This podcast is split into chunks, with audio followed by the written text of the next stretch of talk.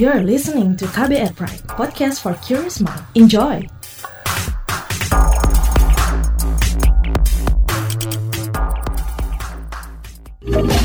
Kamu lagi dengerin What's Trending KBR Pagi. KBR Pagi, siaran pagi radio paling update. Selamat pagi, ketemu lagi dengan saya Don Brady di What's Trending KBR Pagi dan kita sudah ada di hari Jumat di tanggal 27 November 2020. Pagi ini kita ngobrolin soal desakan pengesahan RUU PKS dari berbagai penjuru. Jadi memperingati Hari Anti Kekerasan Terhadap Perempuan sebanyak 500 pasang sepatu berjajar di depan gedung DPR Senayan Jakarta Pusat hari Rabu kemarin ya di tanggal 24 November. Ini adalah bentuk aksi demonstrasi unik tanpa menimbulkan kerumunan. Demo senyap tersebut demi menuntut pengesahan RUU penghapusan kekerasan seksual dan di masing-masing deretan sepatu itu terdapat secari kertas yang berisi tuntutan agar DPR segera mengesahkan RUU PKS. Jadi aksi yang digelar oleh uh, The Body Shop Indonesia bersama Yayasan Pulih dan Magdalen ini juga mengajak masyarakat menandatangani petisi yang mendesak pemerintah segera mengesahkan RUU PKS. Sementara itu, di kesempatan lain, Amnesty Internasional Indonesia mengajak masyarakat berpartisipasi aktif mendesak DPR RI untuk segera mengesahkan RUU PKS melalui penulisan surat. Pekan ini, Beberapa fraksi dalam DPR RI mengusulkan supaya rancangan undang-undang penghapusan kekerasan seksual masuk ke dalam prolegnas 2021 setelah sebelumnya terdepak dari prolegnas 2020. Sebelum kita lanjutkan ngobrolin soal ini, saya pengen kasih bocoran nih episode terbaru dari podcast Dear Dires. Sebuah syair lagu menyebut tongkat kayu dan batu jadi tanaman, jadi gambaran suburnya tanah Indonesia. Bumi memang menghadiahi kita dengan pohon-pohon rimbun, tanah yang subur, dan laut luas dan biru. Tapi balasan apa yang kita berikan untuk bumi? Andita F. Utami atau Afutami menuliskannya dalam surat teruntuk Ibu Bumi yang dibacakan Nadine Chandrawinata. Ibu Bumi Meskipun kasihmu terhadap umat manusia bersifat universal, kami sama-sama tahu bahwa kamu tetap memiliki anak kesayangan.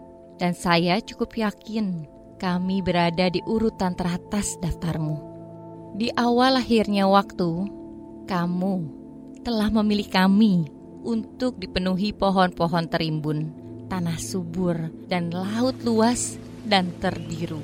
Hutan hujan terhampar di daratan rendah sampai pegunungan tertinggi memberi semua yang kita butuhkan. Dedaunan yang menyembuhkan, buah-buahan yang mengenyangkan, dan madu yang memaniskan. Berikut air yang menghilangkan dahaga. Dari lekukan ombak samudramu, para pelaut kami yang berani menangkap ikan, membuat garam, dan memahami keindahan. Lengkapnya dengarkan original podcast Spotify Dear Dires yang diproduksi KBR Prime hanya di Spotify. What's Trending KBR Pagi. Balik lagi di What's Trending KBR Pagi bersama saya Don Brady yang lagi ngobrolin soal desakan pengesahan RUU PKS dari berbagai penjuru. Jadi um, keresahan dan kebutuhan atas regulasi perlindungan dari kekerasan seksual ini diserukan oleh seorang musisi sekaligus aktris Lala Carmela. Seperti apa kita dengarkan ceritanya dalam acara bertajuk Desakan Pengesahan RUU PKS kemarin. Ini dia. Saya memiliki perkumpulan dengan teman-teman perempuan yang sebidang pekerjaannya dengan saya. Dan kami punya perkumpulan di mana di situ kita membahas tentang pengalaman kami terkait pelecehan dan kekerasan seksual di ranah kerja kami saya dan teman-teman saya, semuanya perempuan, kita ini cewek-cewek yang bisa dibilang independen. Kita udah mulai bekerja di waktu muda dan kita harus hadapin tekanan-tekanan dan banyak orang di bidang pekerjaan kita. But we take our job seriously. Very passionate dengan job kita. Kami profesional pada saat kita bekerja dan juga kepada orang-orang yang ada di lapangan kerja kami. Tapi perkumpulan ini ada karena kita merasa kita tidak sepenuhnya diperlakukan sama. Justru kami kadang merasa kami ini tidak aman dalam menjalani pekerjaan kami. Kami harus compromise dan anticipate kondisi, compromise professionalism kami saat bekerja, adjust karena situasi yang ada pada ranah kerja kami yang membuat kami tidak merasa aman dan terlindungi. Selain itu, isunya tidak bisa kita bahas secara terbuka karena belum tentu juga kita akan mendapatkan respon yang membantu. Bahkan bisa aja sebaliknya. Karena kadang apa yang kita alami seakan-akan mungkin general ya nggak hanya di bidang pekerjaan saya aja tapi kadang-kadang seakan-akan itu yang, yang menjadi salah adalah diri kami yang kami ceritakan itu tidak valid lagi-lagi begini situasinya karena tidak ada regulasi yang melindungi. Nah, di momen yang sama, Koordinator Seknas Forum Pengada Layanan atau FPL bagi perempuan korban kekerasan, Feni Siregar, juga mengungkapkan deretan kasus kekerasan seksual yang menunggu untuk diselesaikan secara adil. Kita simak pernyataannya berikut ini. Kawan-kawan yang memiliki tingkat ekonomi yang cukup baik ataupun kawan-kawan yang di, yang bekerja di, di di sektor privat begitu juga rentan mengalami kekerasan seksual. Bahwa kasus kekerasan seksual ini juga bukan kasus 1 2 3 mengancam kehidupan perempuan untuk bisa hidup secara baik ke depan. Kita tahu bahwa dampaknya ke seluruh hidup kehilangan sebagai hidupnya. Nah, apa yang dialami juga dialami 1.200 korban kekerasan seksual di 2019 yang ditamping oleh lembaga layanan forum pengada layanan terjadi kita tahu bahwa kekerasan seksual bagian dari budaya yang selama ini juga sering kali terlestari di negara ini dan waktunya mungkin DPR membuat perubahan paradigma bagaimana negara itu menghormati perempuan, negara menghormati bagaimana perempuan korban kekerasan seksual memiliki tempat yang yang cukup bermartabat di negara ini. Kita tahu 98 adanya Komnas Perempuan juga berangkat dari kasus kekerasan seksual. Kita tahu dulu sebelum masa Orde Baru dan Orde Lama ada Jugunyangku di mana juga korban kekerasan seksual yang sampai hari ini mungkin kasusnya juga tidak pernah ter, terselesaikan. Lalu kasus 65 di mana perempuan perempuan-perempuan 65 eh, yang disangkakan menjadi pelaku 65 juga ternyata mendapatkan kekerasan seksual dan tidak pernah terungkap sampai hari ini. Di pembahasan nanti, gitu, walaupun disetujui masuk prolegnas, dia memuat tentang tujuh hal, seminimal-minimalnya tujuh hal. Ada asas tujuan ruang lingkup, tindak pidana sembilan bentuk kekerasan seksual, hak korban, hak keluarga korban, saksi, ahli, lalu juga ada pencegahan, penyidikan, penuntutan, pemeriksaan, koordinasi pengawasan, dan peran serta masyarakat. Seminimal-minimalnya kita berharap itu. Oke, lantas seperti apa kabarnya RUU penghapusan kekerasan seksual saat ini? Berikut penjelasan Ketua Badan Legislatif DPR RI, Supratman Andi Aktas. Kita di fraksi-fraksi yang ada di Badan Legislasi itu saling membagi tugas mana yang didukung dalam tuannya tapi bukan berarti kami tidak melakukan memberi dukungan dalam pembahasan nantinya terhadap bagaimana kelahiran undang-undang PKS ini akan memberi kelindungan dan keadilan bagi korban itu pasti menjadi suatu hal yang akan kami lakukan. Yang kedua, kami bersepakat bahwa terkait materi muatan di dalam RUU PKS yang akan datang, tentu dalam rangka ujung-ujungnya adalah memberikan perlindungan kepada perlindungan dan keadilan terutama kepada korban pasti akan kita lakukan. Memang dinamika pembahasan terkait dengan pendapat fraksi tentu sesuatu hal yang wajar kalau kemudian terjadi perbedaan-perbedaan ataupun tetapi komitmen kami karena kebetulan di periode ini sebenarnya undang-undang kekerasan seksual di periode di tahun lalu itu sebenarnya menjadi usul inisiatif Komisi 8. Tetapi karena Komisi 8 punya agenda karena menghadapi pandemi ini akhirnya uh, menginginkan supaya undang-undang penanganan lebih awal. Insya Allah seluruh fraksi sudah bersepakat menyerahkan pembahasan nantinya RUU tentang PKS ini ke Badan Legislasi. Dan kalau kemudian nanti Badan Musyawarah dan pimpinan DPR menugaskan ke Badan Legislasi untuk membahas rancangan undang-undang kekerasan seksual, saya pastikan insya Allah akan bisa kami selesaikan. Saya pastikan sekali berdasarkan komunikasi kami kepada seluruh fraksi-fraksi di Badan Legislasi bersama kelompok-kelompok fraksi ya, semua memberikan dukungan terhadap sesegera mungkin rancangan undang-undang perlindungan kekerasan seksual ini bisa segera kita uh, selesaikan. Namun demikian sekali lagi stepnya yang ter pertama adalah bagaimana besok itu bisa masuk dalam program legislasi nasional prioritas tahun 2021. What's trending KBR pagi? Commercial break. Commercial break. Psikolog klinis Gisela Tani Pratiwi membagi tips caranya berdamai dengan trauma masa kecil uh, ayah atau ibu saya mengata-ngatai saya dengan kalimat tertentu. Misalnya kamu bodoh, misalnya katakan gitu ya. Itu terngiang terus sama saya, itu dampak emosinya apa ke saya? Gitu ya. Jadi pemicunya apa, dampak emosinya apa, lalu sensasi badannya seperti apa, kemudian pemikiran apa yang muncul. Oh iya, memang saya bodoh, saya nggak bisa ngapa-ngapain. Terus emosinya saya jadi merasa sangat sedih, sangat menyalahkan diri kayak gitu ya segala macam. Nah itu dikenali dulu aspek-aspek ini. Kalau misalnya sudah dikenali bisa dikeluarkan. Simak obrolan selengkapnya dalam podcast Disko Diskusi Psikologi dalam episode Berdamai dengan Trauma Masa Kecil di kbrprime.id dan platform mendengar podcast lainnya.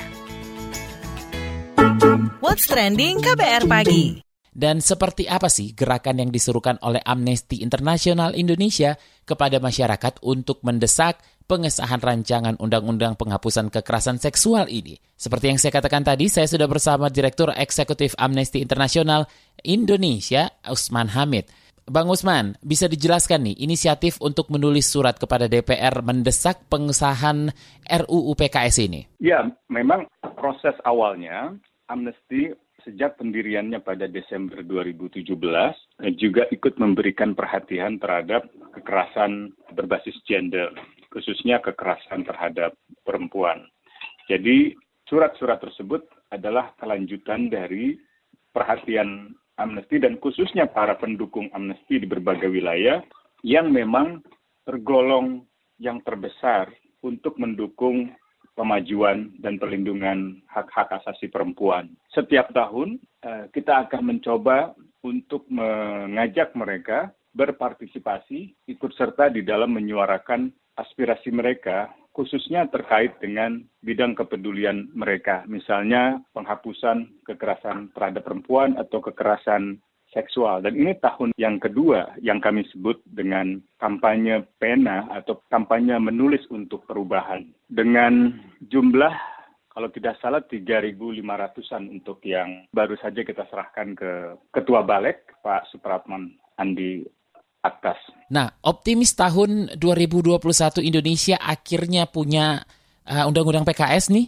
Bang Usman. Dan apa yang masih menjadi tantangan berat mewujudkan undang-undang ini? Mungkin semacam cara pikir, pola pikir umum yang belum menempatkan ini sebagai masalah yang mendesak gitu, masalah yang signifikan sebagai sebuah kebijakan negara yang perlu diprioritaskan. Mungkin masih tertutupi oleh kebijakan-kebijakan lain yang dipandang lebih penting, misalnya kebijakan ekonomi.